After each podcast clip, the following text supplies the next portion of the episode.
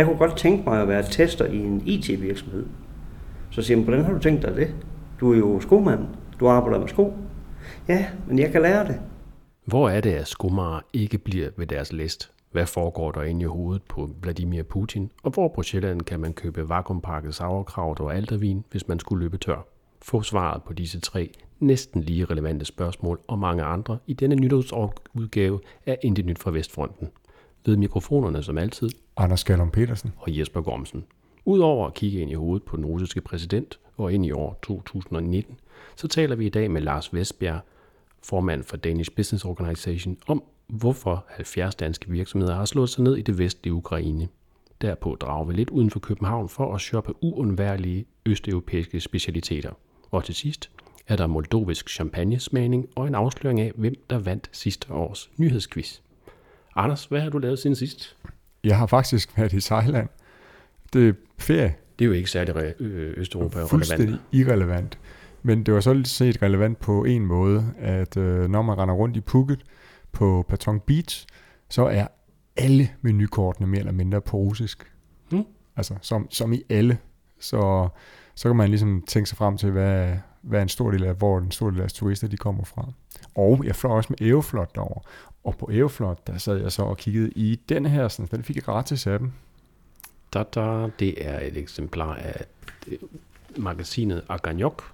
Nemlig, og prøv, prøv lige at se her, der er simpelthen øh, en billedreportage fra ISS rumstationen, hvor der jo blev opdaget et hul i, som angiveligt var, måske var blevet boret af en af kosmonauterne ombord på stationen, jævnfører øh, chefen for os Kosmos, Ragozin.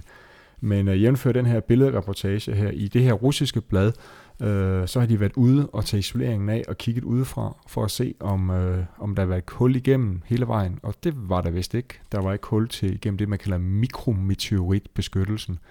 Så derfor er det formentlig ikke nogen, der har boret indenfra. Så ikke en sammensværgelse på ISS. Nej. Men det er nogle rigtig flotte billeder.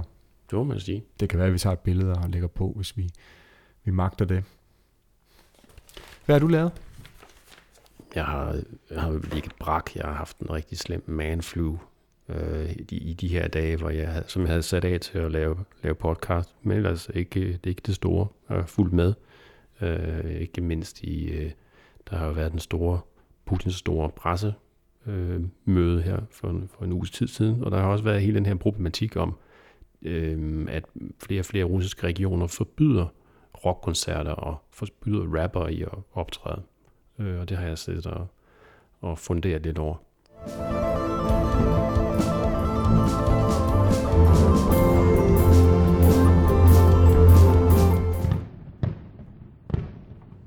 År 2018 starter i januar med, at Ruslands kulturministerium trækker distributionslicensen til den stærkt satiriske film Stalings død tilbage. De russiske myndigheder kan heller ikke se det sjove, da oppositionspolitikeren Navalny indkalder til demonstration i Moskva for at boykotte præsidentvalget i Rusland. Navalny bliver sædvanen tro arresteret. I februar må mange brudepar i Tajikistan revidere deres planer. En ny lov sætter nemlig grænser for, hvor overdådige bryllupper må være. Der er både regler for, hvor store bryllupsborde må være, og hvor mange gæster, der må komme. Bryllupsreglerne er blot nogle af de mange forbud, der indføres i det traditionsbundne og fattige land, der grænser op til Afghanistan, Kina, Kirgisistan og Uzbekistan. Vores helt egen podcast fylder fem år i netop februar. Det foregår med pomp og pragt og med en liveoptagelse i og en fotoudstilling i Karen Mindes Kulturhus i København. Vladimir Putin genvælges i marts, ikke overraskende som Ruslands præsident. Marts er også måneden, hvor Sergej og Julia Skripal forgiftes af nervegiften Novichok i byen Salisbury i et attentat, der formentlig var orkestreret af Ruslands militære efterretningstjeneste GRU. I solidaritet med Storbritannien udviser 28 vestlige lande i alt 130 diplomater. Rusland udviser 189. Den ukrainske krigshelt Nadia Savchenko, der blev valgt ind i det ukrainske parlament, mens hun stadig sad i russisk fangenskab, arresteres og fængsles. Denne gang i Ukraine for angiveligt at planlægge et væbnet angreb på netop parlamentet. 11. april er der præsidentvalg i Azerbaijan. Der er ikke den store spænding om udfaldet.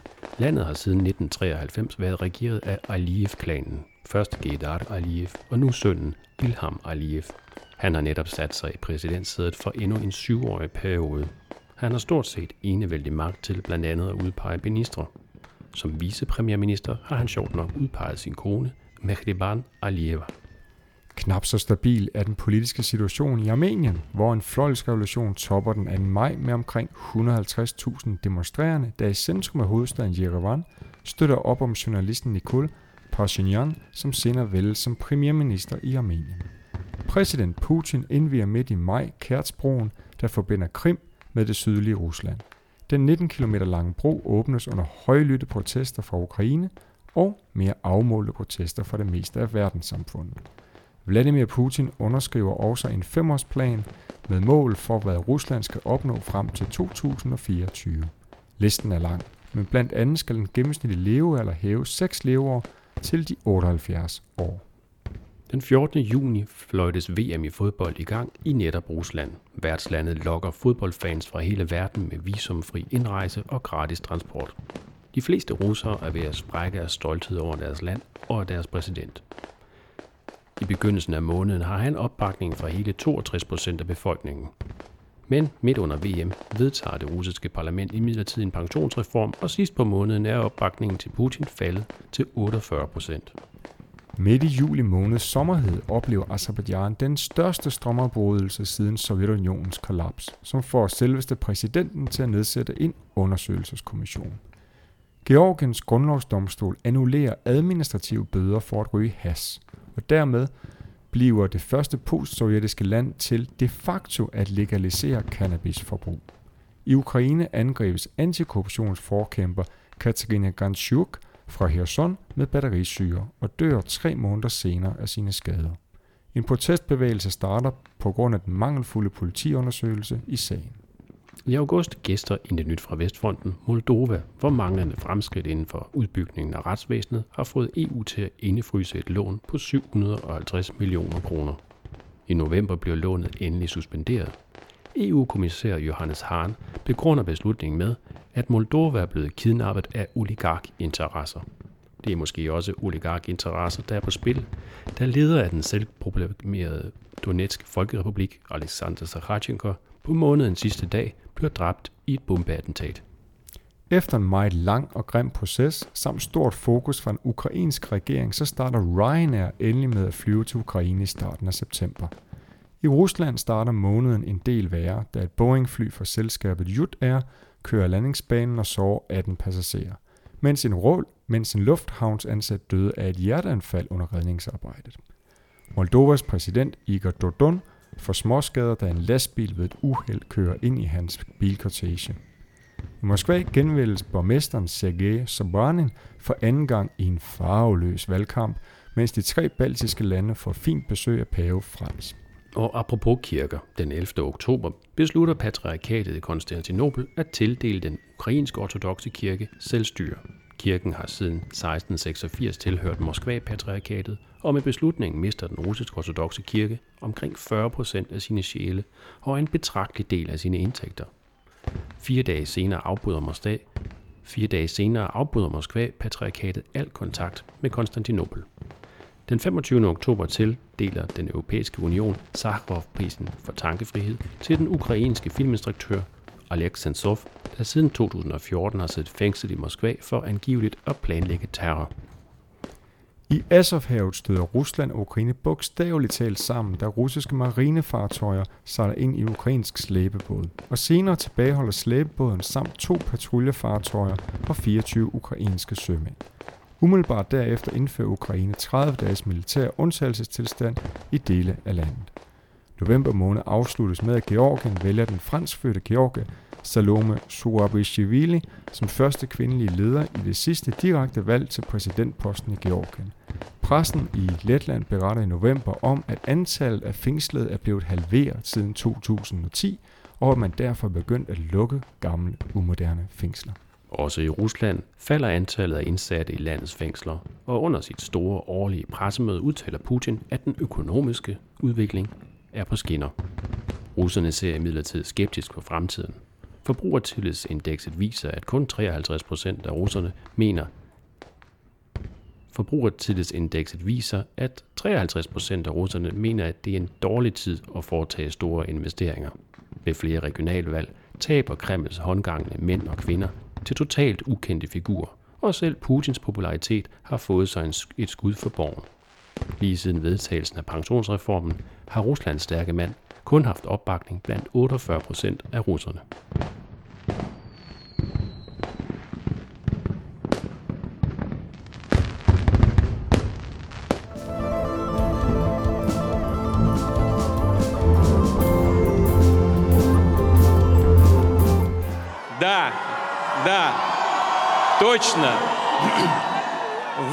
Den 18. marts 2018. Vladimir Putin har, helt som ventet, vundet det russiske præsidentvalg. Han har været landets ubestridte leder siden 1999 og kan nu forblive i embedet frem til 2024, hvor han stadig vil være yngre end Donald Trump var, da han indtog præsidentposten i USA i 2016. I løbet af sine snart 20 år ved magten er Putin blevet ensbetydende med Rusland, og Rusland ensbetydende med Putin. Til sydenladende er der ingen større politiske beslutninger, der bliver taget, uden at de er blevet klappet af med Putin på hans natlige møder med hans få betroede. I både russiske og internationale medier bliver der gættet intens på, hvad Putin mund tænker. Her i Indien Nyt fra Vestfronten anlægger vi en anden strategi, nemlig at lytte til, hvad han siger. Lad os spole tilbage til begyndelsen af marts 2018 чтобы не был избран президентом. Но при этом каждый гражданин... Vladimir Putin afholder sin årlige tale til parlamentets to kammer og slår en dyster tone an. Ifølge præsidenten går den teknologiske udvikling hurtigere end nogensinde. Den, der når at hoppe på den teknologiske bølge, vil få et enormt forspring. De, der ikke når at gøre det, vil blive smadret og drukne, siger Putin og advarer om, at teknologisk tilbageståenhed og afhængighed fører til øget usikkerhed og mindre økonomisk råderum, og som resultat til et tab af suverænitet. Putins pointe nummer et. Verdens lande befinder sig i konkurrence med hinanden i et kæmpe nulsumsspil, hvor den ene stats sejr nødvendigvis betyder den andens nederlag. I Putins bog er afhængighed og gensidig afhængighed mellem lande er det onde, fordi det undergraver statens suverænitet. Men hvor står de russiske borgere i alt det her? Tilbage til talen.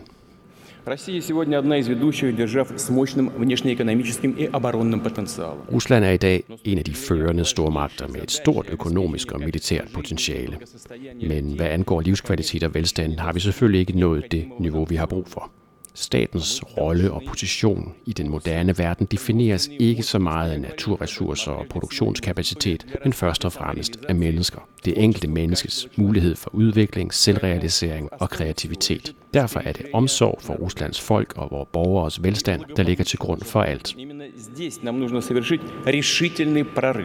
Og det er her, vi skal opnå et gennembrud, siger Putin og nævner områder som sundhed, uddannelse og forskning. Putins pointe nummer to. Borgernes velfærd er afgørende for statens sikkerhed. Borgerne er det vigtigste råstof i den suveræne stats kamp mod andre stater. Hvordan ser Putin så på politik og på partier? Lad os spole frem til november, hvor præsidenten holdt tale for medlemmer af det altdominerende parti i russisk politik, Forenet Rusland. Если нет четкого понимания hvis du ikke har en klar forståelse af, hvad der skal gøres og hvordan for udviklingen af landet, så skal du ikke gå efter magten. Så har du ikke noget at gøre ved magten. Magtinstitutionerne er ikke blevet skabt for, at de, der kommer ind, sidder og ser sig omkring, triller tommelfingre og gasser sig i deres sæder. Ansvarlige mennesker, og det er vi, skal handle helt anderledes, siger præsidenten og forklarer, at Forenet Rusland har et helt særligt ansvar for fædrelandets historiske skæbne, for at sikre borgernes velfærd, landets suverænitet og økonomien. Развитие экономики, Partiet har over de sidste mange år bevist sit værd, sin evne til at træffe ansvarlige beslutninger, forklare disse beslutninger over for folk og bagefter gå til valg og overbevise vælgerne om, at de beslutninger, der er blevet truffet tidligere, er korrekte, og at den kurs, vi har udstukket, er den eneste rigtige. Dette er lederskab. Lederskab er ikke at love guld og grønne skove. Lederskab er at træffe de ansvarlige beslutninger, landet har brug for. Лидерство в том, чтобы принимать ответственные нужные стране решения. Præsidentens pointe nummer 3. Politik er ikke noget, der kræver borgerinddragelse. Politik er implementering af objektivt korrekte beslutninger, der skal sikre statens suverænitet og som blot skal forklares til befolkningen. Det er i hvert fald, hvad Putin siger. Hvad de regionale medlemmer af Forenet Rusland formentlig hørte ham sige er, hvis de ikke er gode nok til at forklare deres politik til befolkningen, så bliver de skiftet ud inden næste valg. Meget tyder nemlig på, at de russiske efterretningstjenester ved hjælp af hemmelige meningsmålinger holder skarpt øje med folkestemningen. Og hvis Forenet Ruslands kandidater klarer sig dårligt, får de slet ikke lov til at stille op til valg. Men vent nu lige lidt. Hvilket politisk klima giver det, hvis det ikke er vælgerne, der er politikernes arbejdsgivere? Hvis det er et parti, eller måske rettere præsidentadministrationen, der kan definere, hvad det eneste rigtige er. Tilbage til partikongressen. Her roser præsidenten medlemmerne, der med hans ord mestendels består af ordentlige og professionelle folk, russiske patrioter. Der er dog også, mener præsidenten, medløbere og enkel, som opfører sig uanstændigt. Og Putins bøn, eller skal man sige ordre, til forenet Rusland lyder. Прошу вас за этим самым тщательным образом следить. Никогда не допускать никакого хамства. Jeg beder dem holde grundigt øje og aldrig tillade nogen form for ubehøvelighed, nedladenhed på noget som helst niveau, hverken på det allerhøjeste eller på det kommunale niveau. Fordi det er for det første skadeligt for landet, det er uretfærdigt over for folk, og det trækker hele partiet ned under gulvbrædderne. Med andre ord, Putins pointe nummer 4 Embedsmænd og politikere skal tænke, før de taler af hensyn til landet, til staten og til gennemførsel af de reformer, der skal sikre Ruslands suverænitet. Og i anden række, fordi man ikke skal tage ned til folk. Og i tredje række, fordi det at tage ned til folk skader partiet for enet Rusland. Med andre ord, og her er vi vist nået til mine egne pointer, i russisk politik og i det russiske samfund i det hele taget, gælder det om at gætte rigtigt. Er man god til at gætte, hvad der menes med landets historiske skæbne og statens suverænitet, så er der penge og indflydelse at hente, fordi man kan trække på systemet. På de mange fine tråde, der eksisterer parallelt med officielle institutioner som valg, retssystem og det frie marked. Men hvis man tiltrækker sig for meget negativ opmærksomhed, kan man ikke længere regne med systemet om at sejle sin egen sø. Fordelene for dem, der formår at holde sig inde i systemet, er til at få øje på. Men det er ulemperne også. For eksempel bliver Forenet Rusland stadig mere upopulært, og folk er begyndt systematisk at stemme mod de tordenskjold soldater, som Kreml sætter ind de steder, hvor Forenet Ruslands kandidater klarer sig dårligt. Det holder dog ikke Putin tilbage for at afslutte sin tale med et håb om, at Forenet Rusland som landets største politiske kraft vil komme op på et nyt niveau i sin gerning og bliver partiet for Ruslands sande, rivende udvikling. Jeg ønsker os alle og dem held og lykke.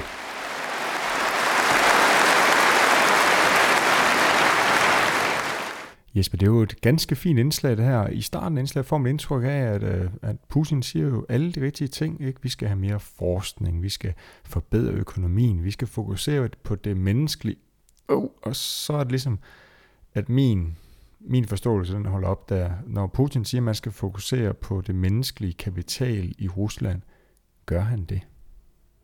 Ja, men ud fra sin opfattelse af, hvordan virkeligheden ser ud. Altså han, han ser staterne så som nogle store titaner, som vælter rundt og, og, og kæmper, øh, og som altså han kan heller ikke se meningen til synligheden med, med samarbejde. Altså han, han lever i et, et, et nulsumspil, og øh, derfor ser han selvfølgelig også sine borgere som en, en ressource.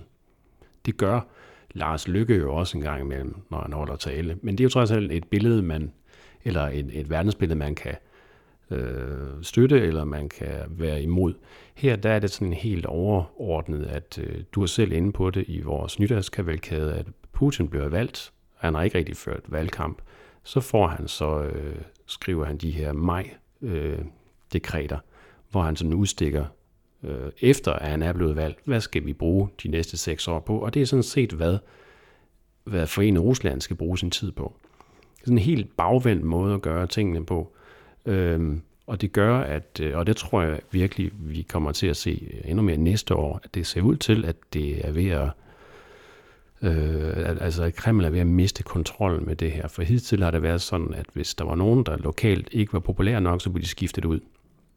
Øh, og man har også gjort det her øh, ved det sidste, det sidste valg, at man har, der er en eller anden supermand, der har, har ledet to andre regioner, og han er så blevet sendt ud til, til Vladivostok, helt ude ved, ved, ved grænsen til Japan, hvor han så øh, under utrolig svære forhold, og han har haft en meget, meget dyr valgkamp. Der har han så vundet øh, et valg derude.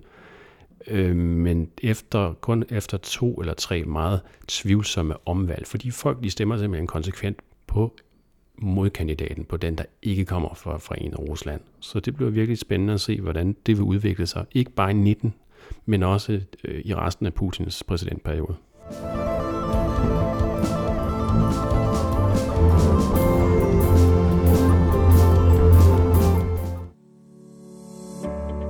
Lviv region is a unique place where Ukrainian culture is combined with European traditions and where the investment climate is always favorable.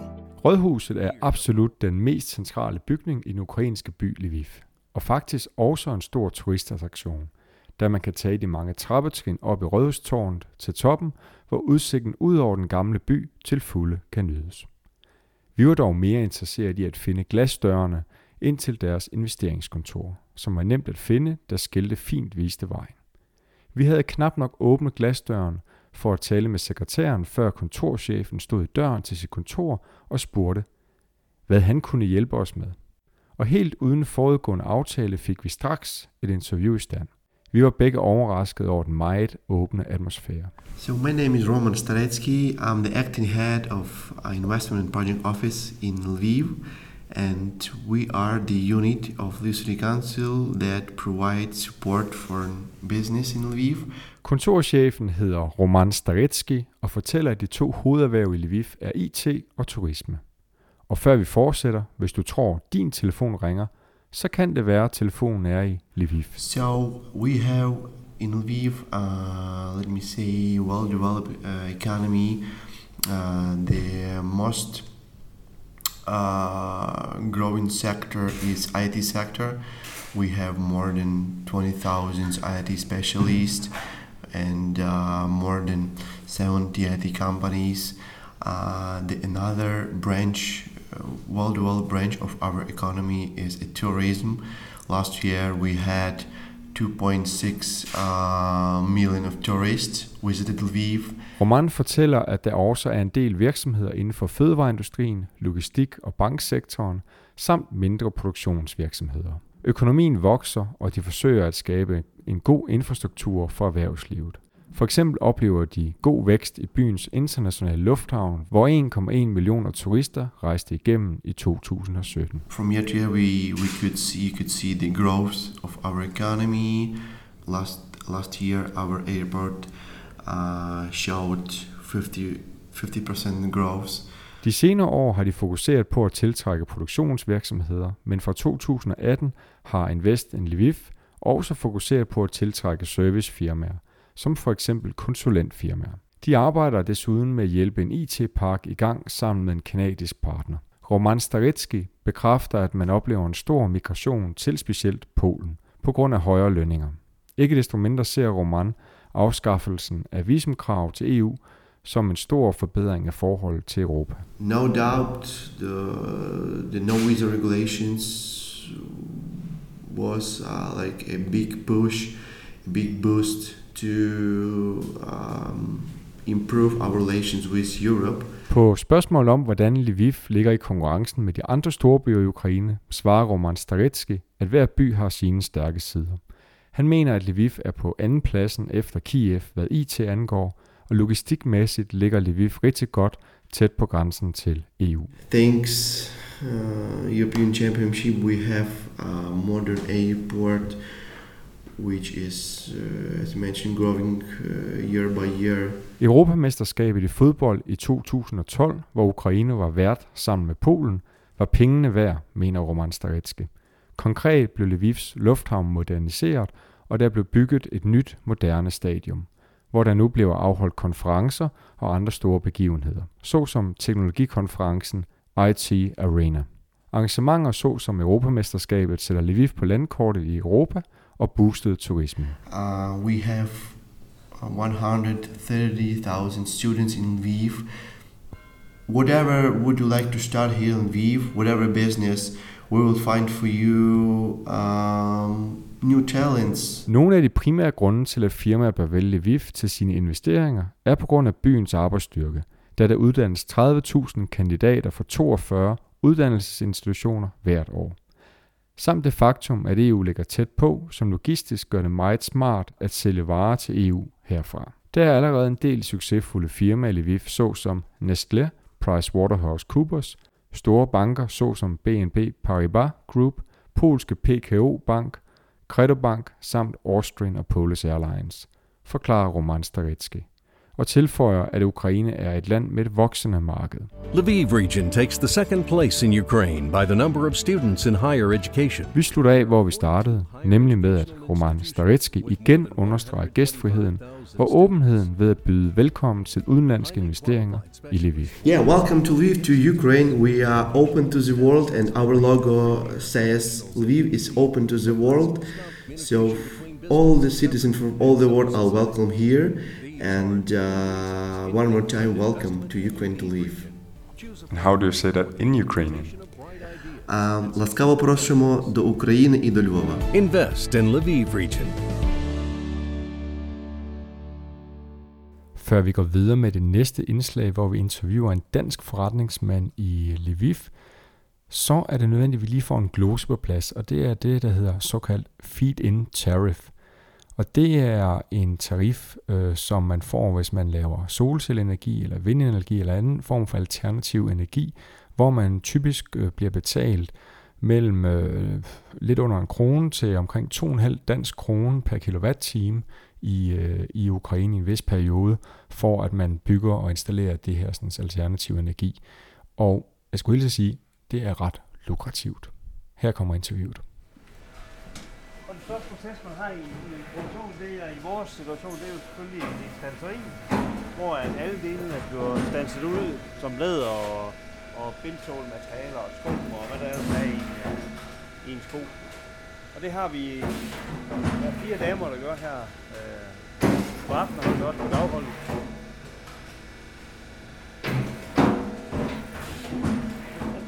Bare, det er et stykke for det her. Når du har en, en, øh, en sko med, med, med stål i næsen, så for ikke at undgå, for at undgå at, at du ødelægger dine store tårer, så har man et stykke for inden for inden. Øh, mit navn er Lars Vestbjerg, og jeg arbejder som øh, general manager for Sikker Footwear i Ukraine, og har gjort det i 15 år. Uh, jeg er også formand for Danish Business Association i Ukraine, og hvad skal man sige, kører de to ting parallelt. Og det er også mest i egenskab af formand for Danish Business Association i Ukraine, at vi kommer til at tale. Men Lars, kan du fortælle os om, hvordan så Ukraine ud, da du flyttede til Ukraine tilbage for 15 år siden? Ja, det var lidt af en øh, oplevelse, kan man sige. Når man lander øh, fra Danmark og så kommer i en øh, by, hvor gaderne ikke er gjort rene, og sneen er sort, og det hele er lidt omvendt i forhold til det, vi plejer at se i Danmark jo. Hullerne i vejen, de var jo nok også lidt større, end de er i Danmark. Så dengang, øh, for, hvis man kigger tilbage for 15 år siden, jamen, så var alt, alle forretninger var gemt væk, øh, gemt væk bag øh, lukkede døre og så videre. Det var ikke, det var ikke åbent, ligesom det er i, i Europa. Så det var faktisk den første oplevelse, jeg havde ved at, at lande og komme ud på fabrikken her for den første. Og hvordan var det så at gøre forretninger og tale med myndigheder dengang? Altså, Ukraine for 15 år siden var, hvad skal man sige, meget korrupt i forhold til det, vi har i dag. Og det er jo et sovjet, gammelt sovjetland, hvor man ved, at, at uh, halvdelen af lønnen kommer fra bestikkelse.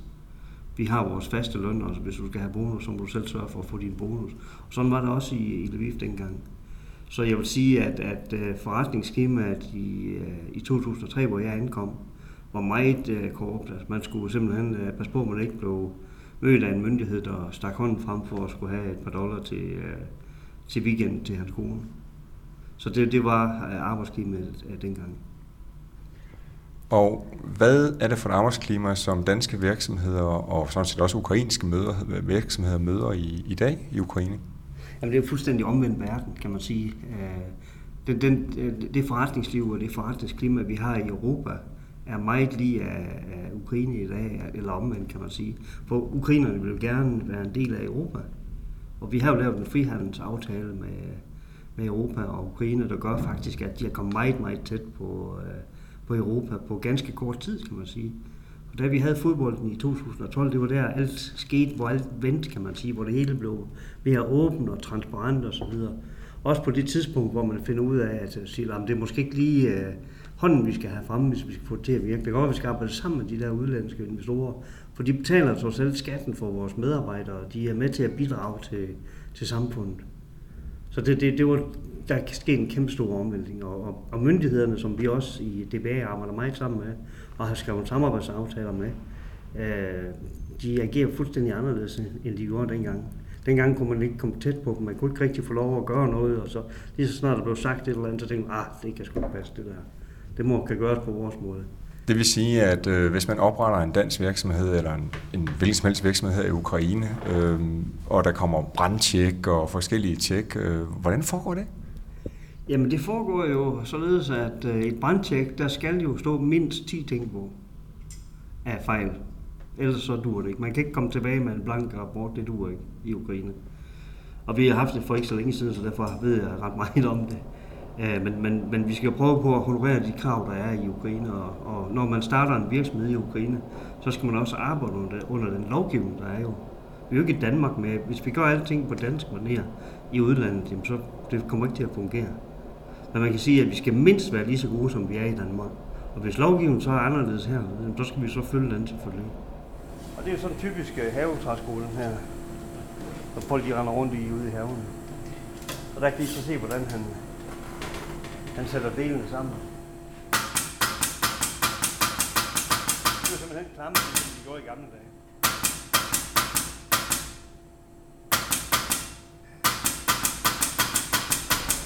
Danish Business Association i Ukraine, øh, hvor mange medlemmer har I, og hvad er det for en type medlemmer?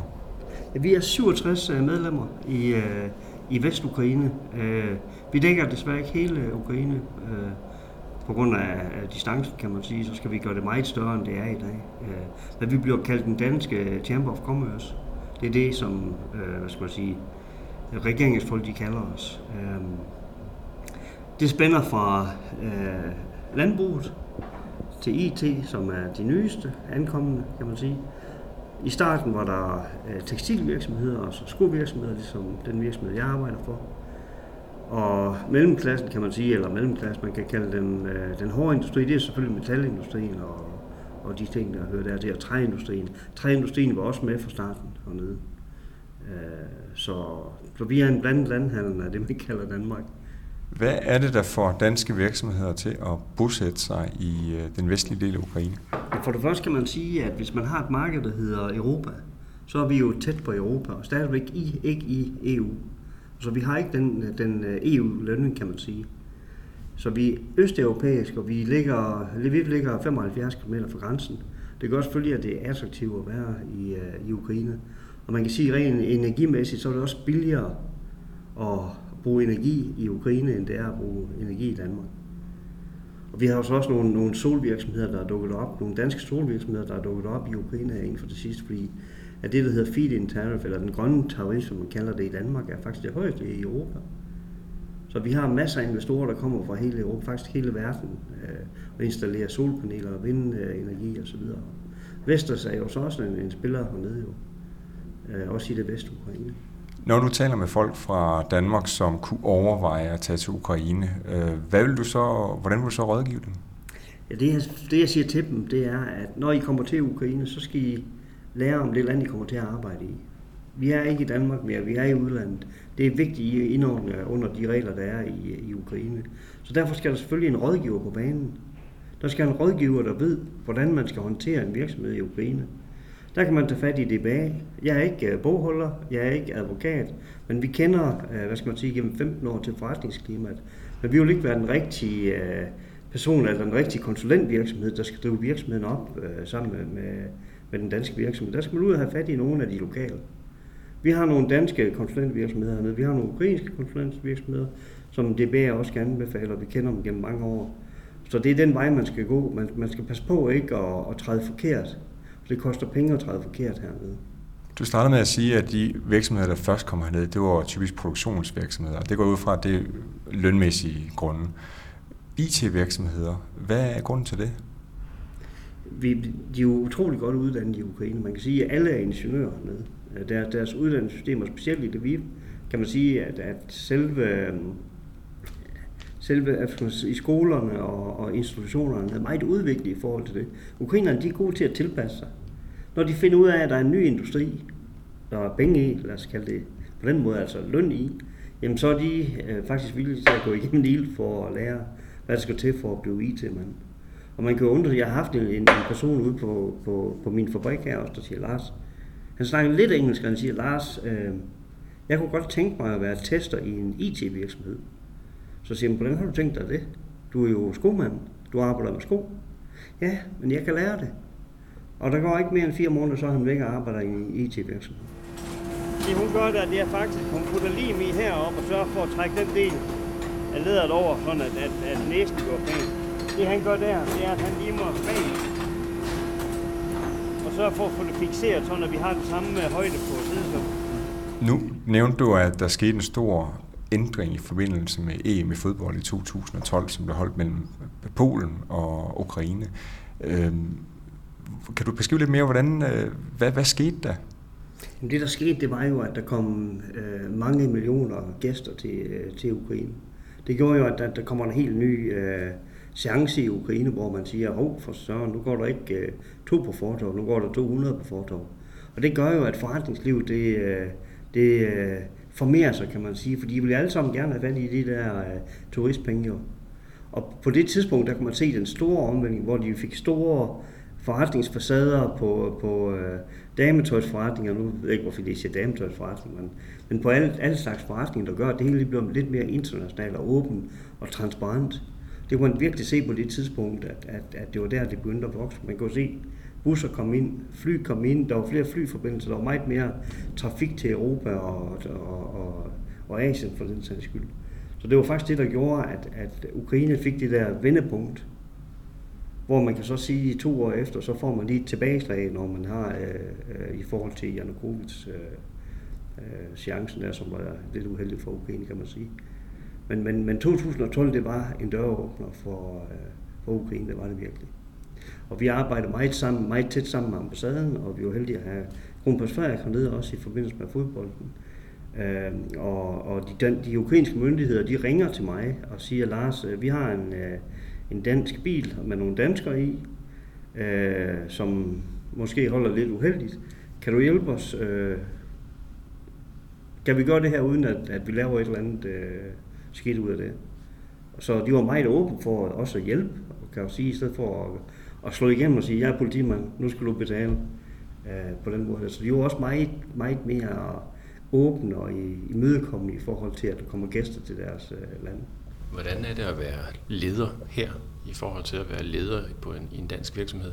Jeg vil sige, det er jo et spændende job. Altså, det er meget udfordrende. Du kan jo. Ikke, det, det, det, det, De har ikke været vant til at skulle skabe resultater sammen med andre. Det har været en individuel præstation, om de fik deres løn, plus de fik deres bonus. Nu skal de til at arbejde i teams. Nu skal de til at arbejde sammen. Nu skal de til at, at, at gøre nogle ting, som, som er fuldstændig uvandt for dem. Og i, eller i Ukraine og i Sovjettiden for eksempel, der var det at løfte pegefinger hver gang. Hver gang de øh, lavede et eller andet, der ikke lige passede chefen, så fik de jo simpelthen en på lampen. Ja, I form af nogle hårde ord. Og det har jeg også selv set på nogle af de steder, hvor jeg har været ude hernede. Og det er bestemt ikke den, den uh, løsning, vi foretrækker i Danmark. Vi er jo mere demokratiske, og, hvor man siger, at uh, nå, hvad synes du? Ikke? Altså, hvor det er hernede, siger nu, så du bare i, at så gør, hvad der bliver sagt engelskkundskaber, sprogkundskaber. Hvordan, hvad, hvordan ser det ud i Ukraine dags dato? Dags dato, Vest-Ukraine ser det meget godt ud. Altså man kan sige, at vores blue worker er bestemt ikke øh, uddannet på højst niveau. Så de taler ikke uh, udlandsk sprog af nogen art. De kan russisk og ukrainsk, det er det, de har lært i skolen, og det er det, de kommer ud med. Men man kan sige, at mellem, mellem øh, gruppen, øh, der arbejder på øh, butiksniveau og arbejder på tjenerniveau, er kommet meget godt frem efter, også efter fodbolden for eksempel, hvor der simpelthen har været behov for, at man kunne snakke engelsk for at komme i kontakt med, med folk. Og der vi om IT-verden, altså den, der ligger lidt over mellemklassen, jamen så taler de jo alle sammen, for IT-sprog er jo engelsk, kan man sige kommer vi op på, på topniveau for ukrainere, så taler de faktisk alle sammen. Altså 90 procent taler engelsk. Nu øh, er det ikke så lang tid siden, at Tjekkiet har gjort det nemmere for, for ukrainske borgere at få arbejdsvisum i Tjekkiet. Oplever I i Danish Business Association, at der er et brain drain, at der simpelthen er højt uddannede mennesker, der, der tager ud af Ukraine og aldrig kommer tilbage på grund af lønnen? Jamen det er der, det er helt klart. Øh, og vi, vi skaber, der er skabt et vakuum i Ukraine, fordi i, for fem år siden, der flyttede, eller for 10 år siden, der flyttede polakkerne til Danmark for at arbejde. Nu tager polakkerne og ukrainerne. Det skaber et vakuum her. Vi vil ikke have russerne. Russerne er vores fjender, kan man sige.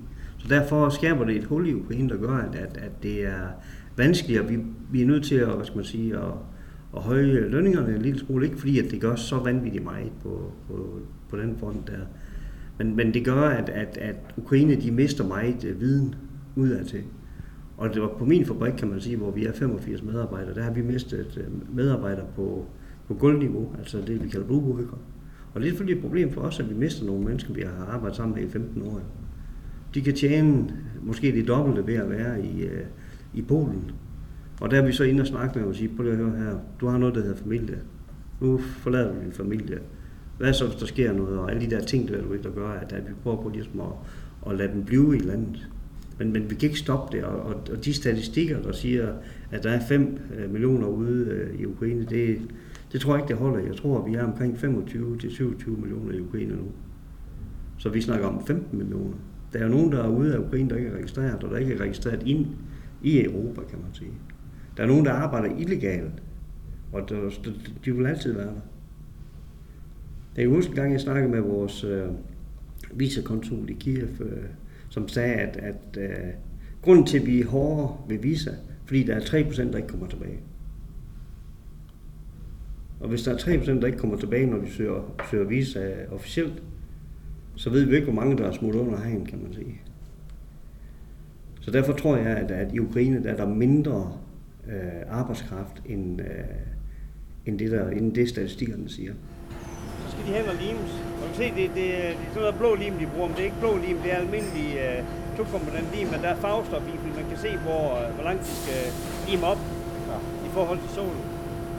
Og han har arbejdet i mange år, han ved lige nøjagtigt, hvor solen den går til. Så det sker på øjemål. Vi kan se, når skoen er færdig, hvor, hvor, hvor god han egentlig er til at, at få den højde der. Hvordan ser du Ukraines fremtid om 5, 10, 15 år? Det jeg ser, det er, at de kommer ikke ind i EU. Det tror jeg simpelthen ikke på.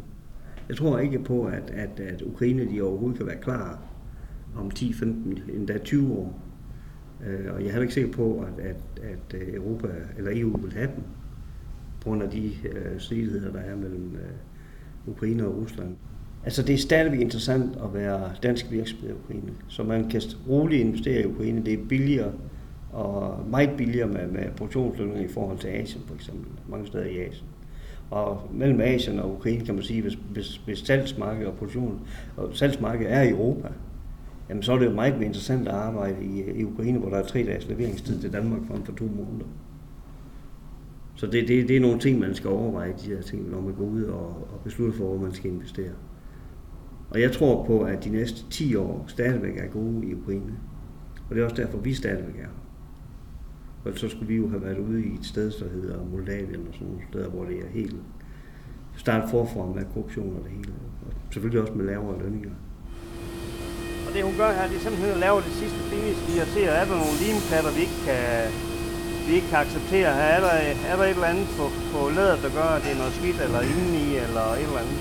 Og så sætter hun den fra afhængig af, om kvalitetschefen skal ind over. Så sætter hun på en hylde og vender den på den her måde. Er den til pakkeri, så går den ind på normalt. Så det gør, at for os er en anden betaling, men for dig som kunde er det ikke en anden betaling. Fordi skoene er akkurat lige så gode, om, om der er to eller tre mm forskel. Men vi kan bare ikke acceptere det. Vi er også nødt til at lære vores, vores medarbejdere, hvad er kvalitet i forhold til danske termer. Fordi hvis vi går efter ukrainske termer, så får vi jo nok ikke det samme produkt, som vi har i Danmark.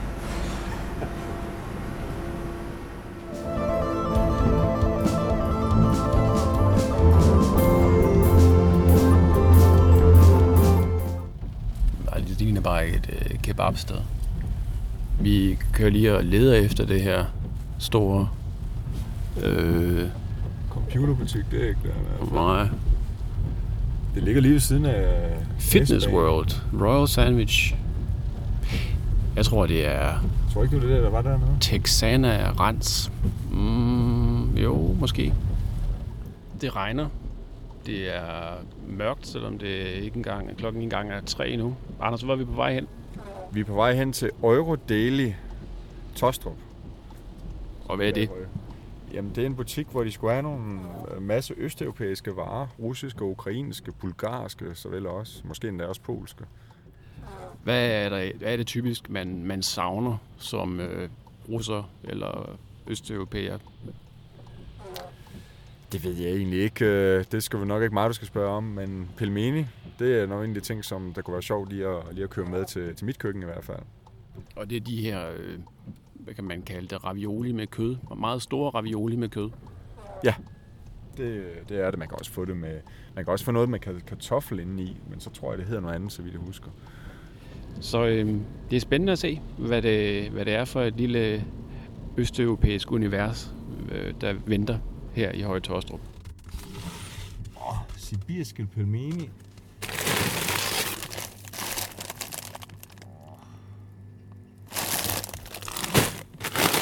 Ukrainske pelmeni. Ja, det er ikke helt dumt. Jesper, du bliver nødt til lige at forklare, hvad, hvad, har, du, hvad har du liggende nede i den der sådan, uh, kur?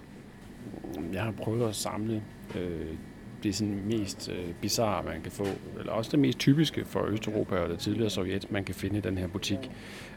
Øverst der har jeg øh, birkekviste, øh, så nu kan man kun høre plastikken, men inde i den her plastikpose, der er der simpelthen nogle birke øh, kviste, som man kan slå hinanden med, når man er i øh, banja.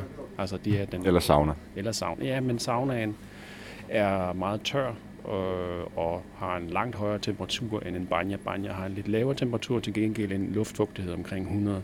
Øhm, så står vi for øvrigt hernede i vinafdelingen, hvor der så ved siden af Merlot og de andre kendte vinmærker, så er der sådan en noget, der hedder Kagor. Så tager man en flaske, øh, ser, det står på russisk det hele, og så står der nedenunder med rødt, nærmest som en advarsel, Rotwein Sys. Og når der skrives, øh, i sådan en butik her skrives sød rødvin, så er det sødt. Det her, det smager mest som aldervin. Øh, og det er ikke nogen. Altså, det, det er meget billigt. Og det er fra Moldova, står der.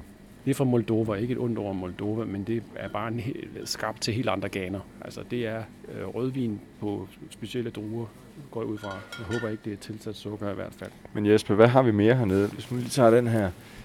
Hvad hulen er det? Jeg tror, det er, er sylt, det er kantareller i olie. Og det er sådan en meget mærkelig delikatesse, altså, fordi det får næsten, når det ligger i det her olie, så får det næsten samme konsekvens som østers. Altså lidt for blødt, øh, men det er jo gl- glimrende, når man øh, har været i banja. Og, ja, og så har, du, så har jeg også fundet, Bloody Mary Goose. ja, Det det lyder er, ikke særlig Ja, østeuropæisk. det ligner en øl. Det er en ølflaske. Og men hvis du kigger på ingredienserne, så står der så vand, bygmalt, humle. Indtil videre, så lyder det jo som øh, en øl, ikke? Mm. Mm. Så kommer der så gær, stadigvæk en øl, tomater, salt og peber. Det er altså en, en, en krydsning af Bloody Mary øh, og en øl. Det skal man næsten Og prøve. det er så for Baltikum, kan jeg se her. Ren, den er god. Ren, det er en pulveriseret eller revet peberrod. Øh, Og det her, det er så med rødbede. Det er virkelig noget med, med gang i, der kan rense alle kanalerne i, mellem øh, mund og, og øre. Det tror jeg godt. Og så har vi den sidste ting hernede. Det er vakuumpakket. Øh. Kapuster. Det er sauerkraut, der er vakuumpakket. Ja. Det er jo, er jo også øh, fantastisk. ja, det har jeg godt nok ikke set, øh, set før. Nå, men Anders, er der noget her, som øh, ikke bare er sjovt, men som du rent faktisk skal have med hjem? Ja, øh, jeg tror, jeg skal købe de her pelmeni her, og så skal jeg, øh, og så skal jeg have nogle af de der øl fra, vi købte i Letland, kan du huske dem? Dem, dem har de nogle af, og de er faktisk billige. Der er, rigtig, der er nogle varer, der er pænt billige her faktisk. Det, det er lidt sjovt. Og så øh, tror jeg også, at jeg skal noget kvas. Og det er sådan noget, som er svært at få her, i Danmark. Det er sådan noget brødøl. Ja, det, det er sådan lidt ligesom øh, nisseøl, bare uden alkohol. Eller med meget, meget lidt alkohol i. Nå. Ja. Men, øh, det Jeg kan, tror ikke, jeg får brug for det her birkeris. men jeg tror, det vil være en fin gave. Og jeg ved godt, hvem øh, man, kunne, man kunne give den til. Okay. En, der har fødselsdag næste weekend. Nå, ja. det er rigtigt.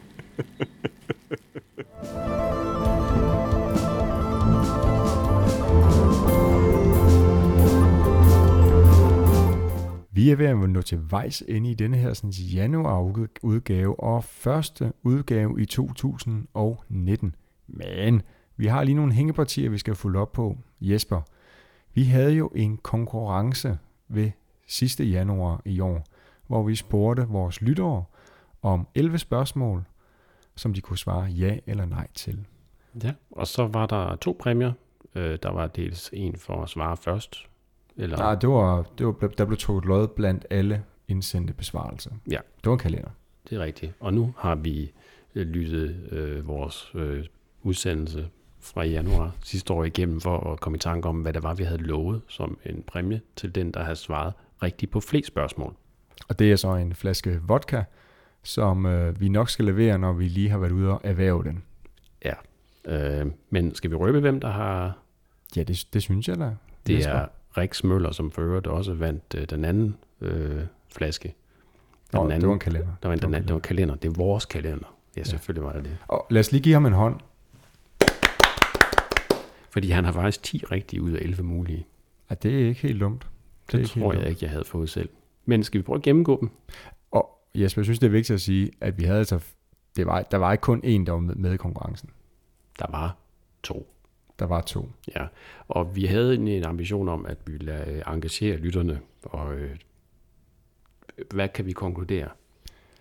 Uh, vi kan i hvert fald konkludere, at vi i år har valgt at lave vores ganske traditionelle nytårskavalkade, hvor vi ikke laver en konkurrence. Men vi, vi synes, vi har lavet en sjov konkurrence med nogle gode spørgsmål, og jeg synes, det er fantastisk, at, at Rex Møller rent faktisk fik øh, uh, 10 ud af 11 rigtige. Okay, der var nogle få spørgsmål, hvor, jeg, hvor man nok vil sige, de er nok relativt nemme, men uh, hvis vi nu tager det, det første spørgsmål, vil Tartu Skimarathon blive afholdt i 2018?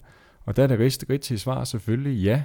Fordi der var faktisk rigtig god med sne, både i, i Estland og i Finland, hvor jeg selv stod på ski.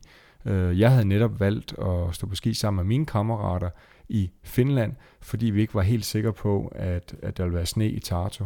Og det havde været aflyst året før? Nej, det, det var det faktisk ikke, men der var så lidt sne, så vi, vi gik rundt, eller vi løb rundt i en 6 km lang bane, så det var lige akkurat, og meget af det var kunstsne, så det var ikke, det var ikke super fantastisk. Så selve hovedløbet blev ikke, blev ikke holdt. Det bliver spændende at se, hvordan det bliver i år. Næste spørgsmål. Er Nazarbayev stadig præsident i Kazakhstan? Ja, det er han. Han er nu 78 år og still going strong. Han er sammen med Lukashenko i Hviderusland øh, en af de gamle næststore. For så har hans, øh, han har tre døtre, og den ene har også været minister, ligesom øh den øh, præsidenten i Azerbaijan har hyret sin egen kone. Nå, øh, spørgsmål 3.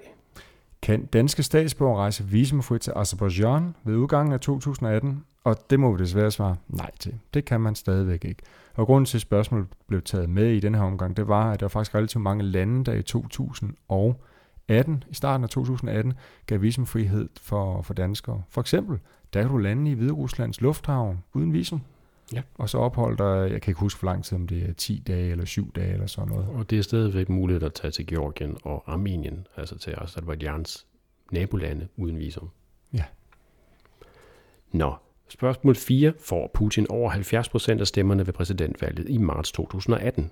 Ja, det gjorde han. Han fik øh, nærmere bestemt øh, næsten 77% af stemmerne, og det var ifølge de officielle tal den største tilslutning nogensinde, så Øh, ikke bare fik han mere end nogen anden præsident, han fik også officielt lidt over halvdelen af alle russers stemme.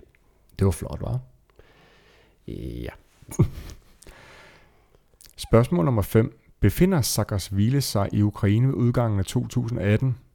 Nej, det gør han ikke. Han er godt og grundigt blevet smidt ud af Ukraine, og øh, er ikke særlig velkommen øh, i forhold til det ukrainske etablissement, det vil sige præsidenten og så videre.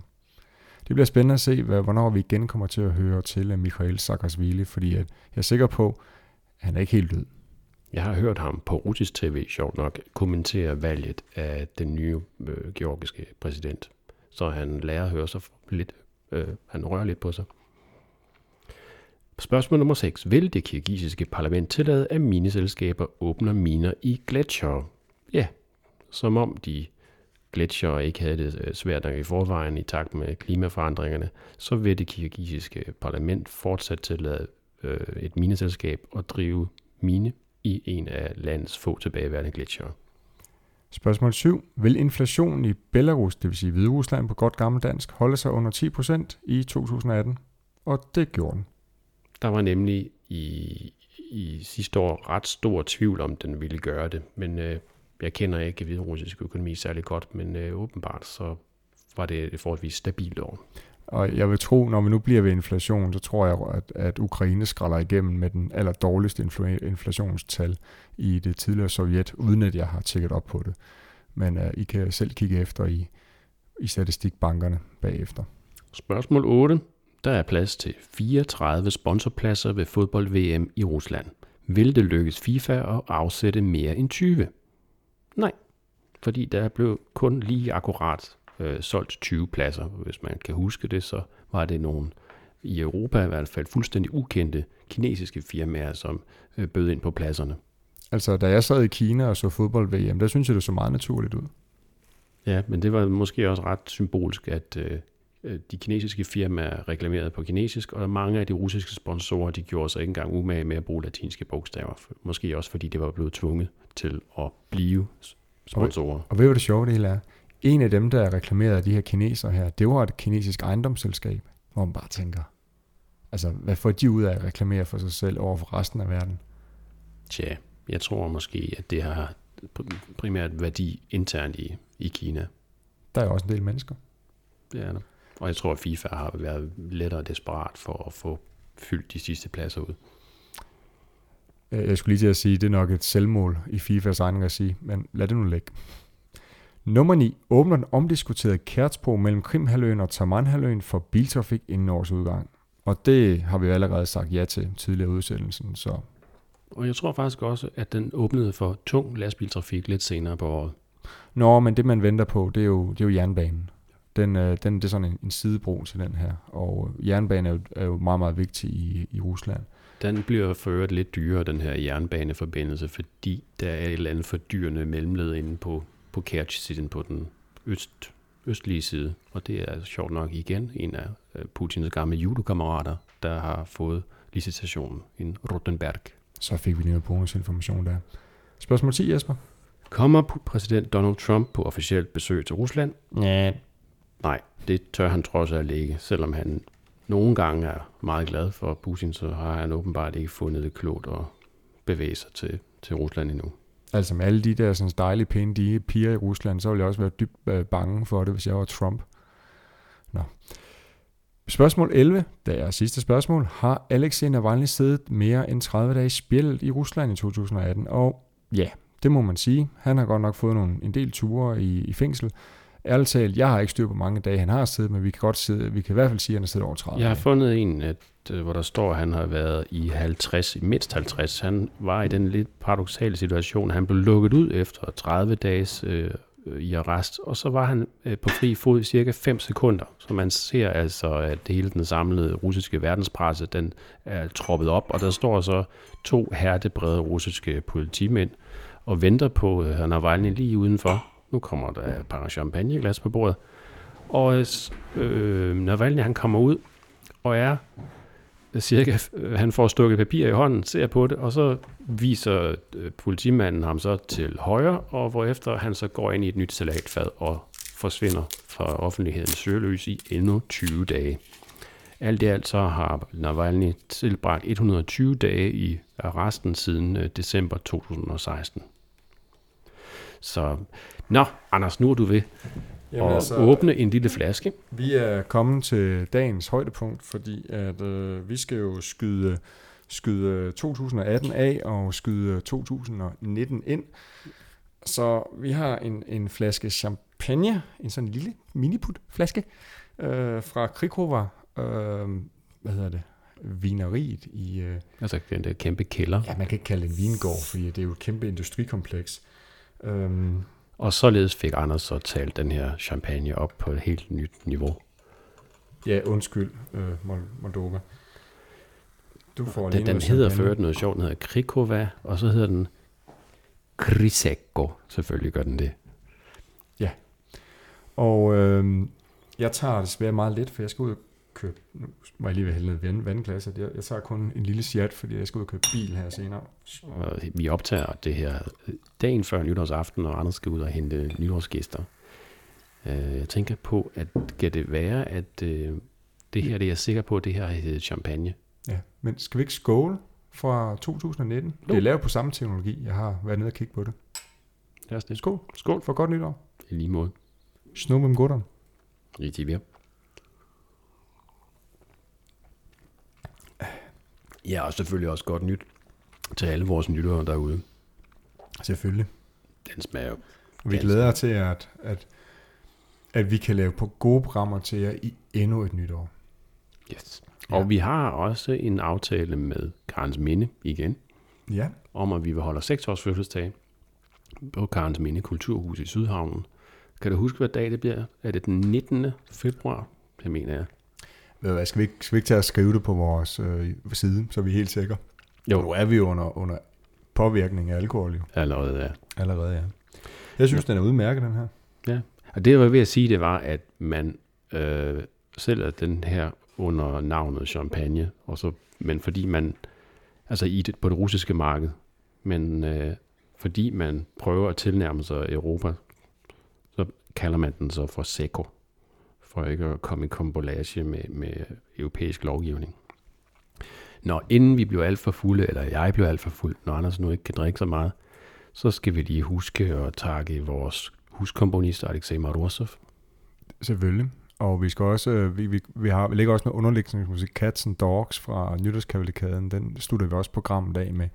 Uh. Fireworks for Cats and Dogs. In English and Norwegian. Ja, nemlig. Vigtigt. Men Øh. Jesper, hvis du kan gøre det meget kort, hvad har den største øh, nyhed været for dig her i 2018? Jeg synes ikke, der har været nogen enkeltstående nyhed. Jeg synes, der har været en interessant tendens, og nu taler jeg Rusland, fordi det er det, jeg ved mest om. En tendens til, at øh, Putin, hvis popularitet lige siden øh, annekteringen af Krim har ligget skyhøjt, øh, og har ligget højt hele tiden. Der har været sådan en tendens, når økonomien gik ned, så faldt øh, regeringens popularitet og premierministerens popularitet. Nu kører Putins popularitet op. Han er sådan set gjort, blevet gjort jordisk.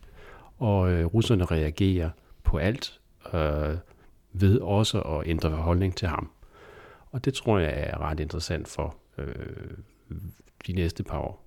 Øh, fordi når, vi, når alt kommer til alt, så er Rusland jo det eneste land, der er stort nok og magtfuldt nok til at kunne påvirke alle de lande, som vi beskæftiger os med her i Intet Nyt fra Vestfronten. Jeg vil ikke kigge tilbage, jeg vil derimod kigge frem, og jeg vil kigge frem til præsidentvalget i Ukraine i marts måned, som vi selvfølgelig også kommer til at beskæftige os lidt mere med. Det synes jeg selv kommer til at blive meget interessant, fordi det er faktisk en af de få valg i det, i det område der, hvor man ikke kan være helt 100% sikker på, hvad resultatet bliver på forhånd. Men Jesper, skal vi skåle, lave den sidste skål for 2019, og så afslutte programmet? Og tak vores lyttere. Tak derude.